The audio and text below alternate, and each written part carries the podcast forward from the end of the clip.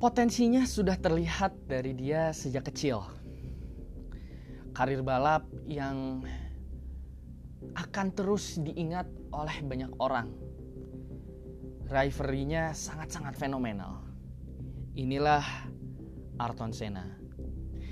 Saya Fathan Nukmanul Hakim. Selamat datang di Potomotif.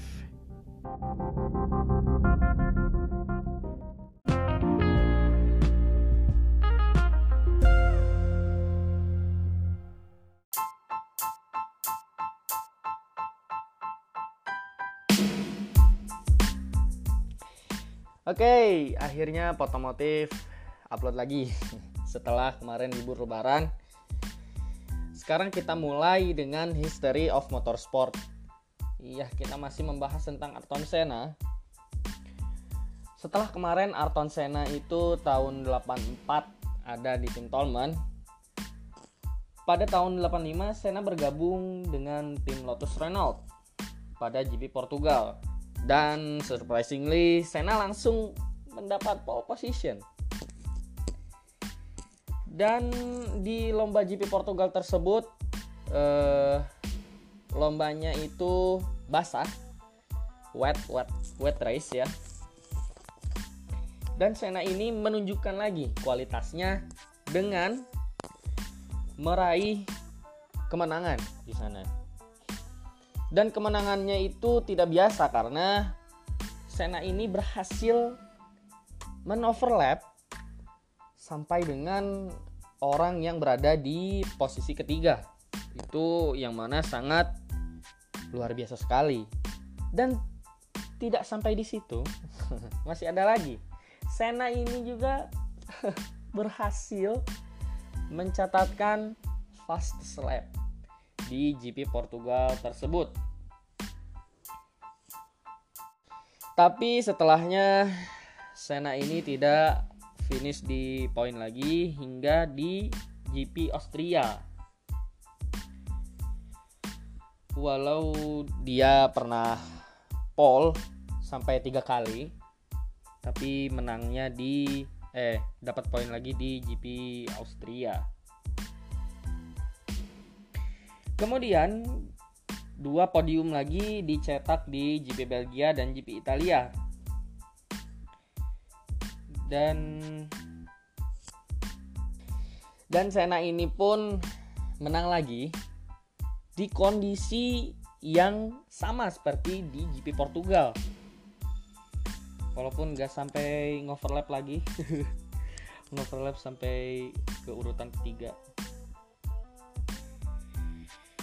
Di GP oh salah maaf. Di GP Belgia tepatnya. Tapi hubungan Arton Senna dan rekan timnya yaitu Elio De Angelis. Mudah-mudahan nyebutnya benar ya. Elio De Angelis. Ini tidak berjalan baik di tim Lotus karena De Angelis ini sudah di tim Lotus 6 tahun tapi Senna baru satu tahun dan dua-duanya menuntut ada di posisi driver pertama. Dan akhirnya Senna pun eh, lebih diunggulkan oleh tim Lotus dan De Angelis ini keluar dari tim Lotus pindah ke Brabham. Karena eh, De Angelis ini bilang tim Lotus ini terlalu mengunggulkan Arton Senna. Sementara ya tadi dia udah ada di tim Lotus udah enam tahun, udah cukup lama. Torahan Senna pada musim 85 ini berada di posisi keempat dan De Angelis ada di posisi kelima. Tapi Senna ini mencetak 7 kali pole position. Hmm, menarik juga ya. 7 pole position tapi menangnya nggak terlalu sering. Atau mungkin karena mesinnya masih kalah sama Williams ya. Kita lanjut ke tahun 86. Tahun 86 ini uh, Elio, Elio De Angelis digantikan oleh Johnny Dumfries setelah Senna mengintervensi rencana tim yang ingin merekrut Derek Warwick.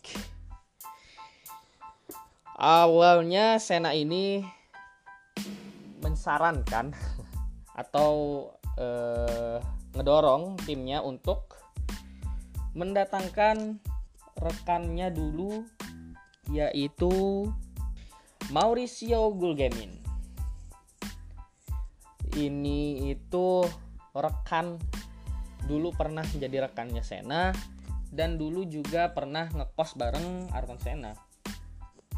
Tapi eh, sponsor utama tim Lotus tidak mau karena harus ada kata sponsornya ini ya harus ada eh, pembalap Inggris yang ada di tim Lotus tersebut. Dan akhirnya Dumfries direkrut. Senna mengawali musim tahun 86 ini dengan cukup baik, berhasil runner up di GP Brazil di belakang Nelson Piquet dan berhasil juara di GP Spanyol dengan selisih waktu yang sangat tipis marginnya yaitu 0,014 detik dari Nigel Mansell Williams. Ya, dua-duanya itu Nigel Mansell sama Nelson Piquet ini satu tim ya di Williams. Meski begitu, reliability dari mobil Lotus ini cukup buruk pada musim tersebut.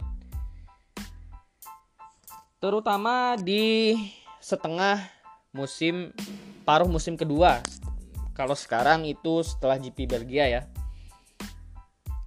Yang membuat Senna harus puas ada di posisi 4 klasemen hingga akhir musim.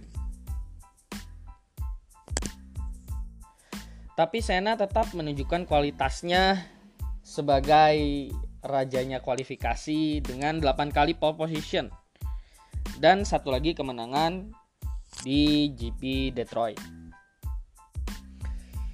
Nah, sekarang kita lanjut ke musim terakhirnya Ayrton Senna berada di tim Lotus. Setelah uh, tahun 85 dan tahun 86 ini Senna membangun reputasinya sebagai uh, rajanya qualifying dan raja di basah juga. Sebenarnya raja basah ini raja trek basah ini dinobatkan ke Michael Schumacher tapi saya lebih memilih Ayrton Senna ya.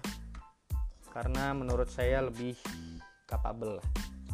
Kalau Ayrton Senna masih hidup sampai sekarang mungkin yang menjadi juara dunia tujuh kalinya Formula One itu Ayrton Senna mungkin ya.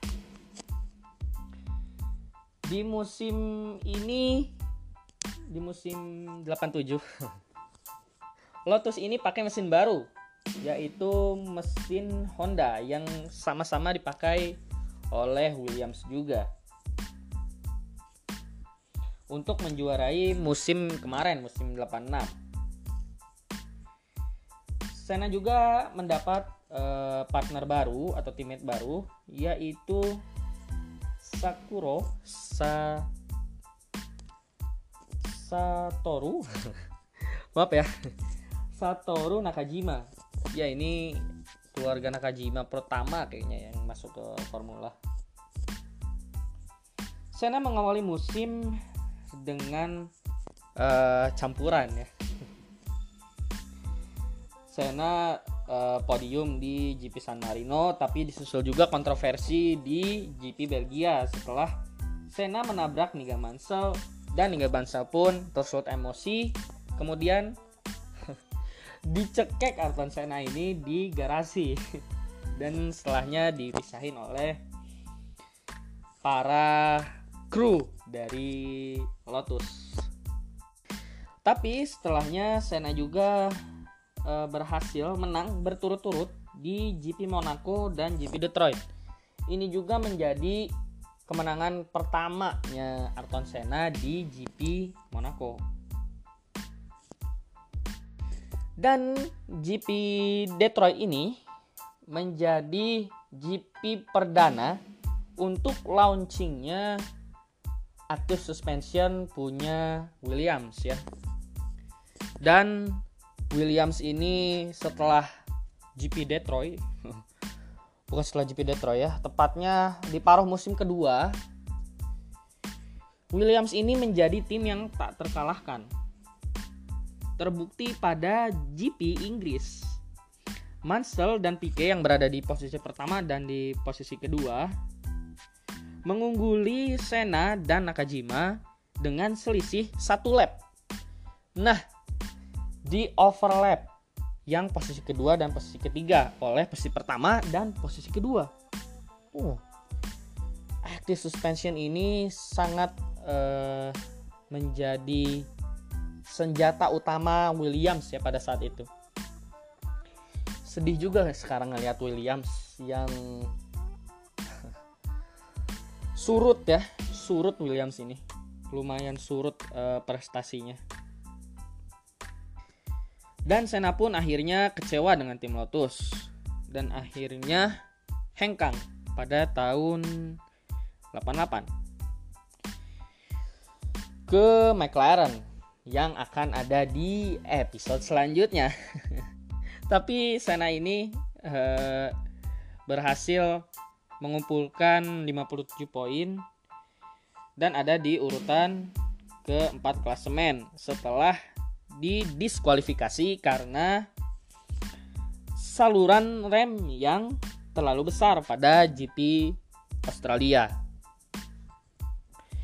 Jadi karirnya Artan Sena ini diwarnai dengan berbagai kontroversi. Kita akan melihat kontroversi yang ada di episode selanjutnya. Terima kasih yang udah ngedengerin. Kalau lu denger di Anchor bisa di favorit. Kalau lu denger di Spotify bisa di follow. Kalau lu denger di Google Podcast bisa juga di subscribe. Jangan lupa follow juga IG-nya Potomotif di @potomotif. Kita ketemu di podcast selanjutnya. Wassalam.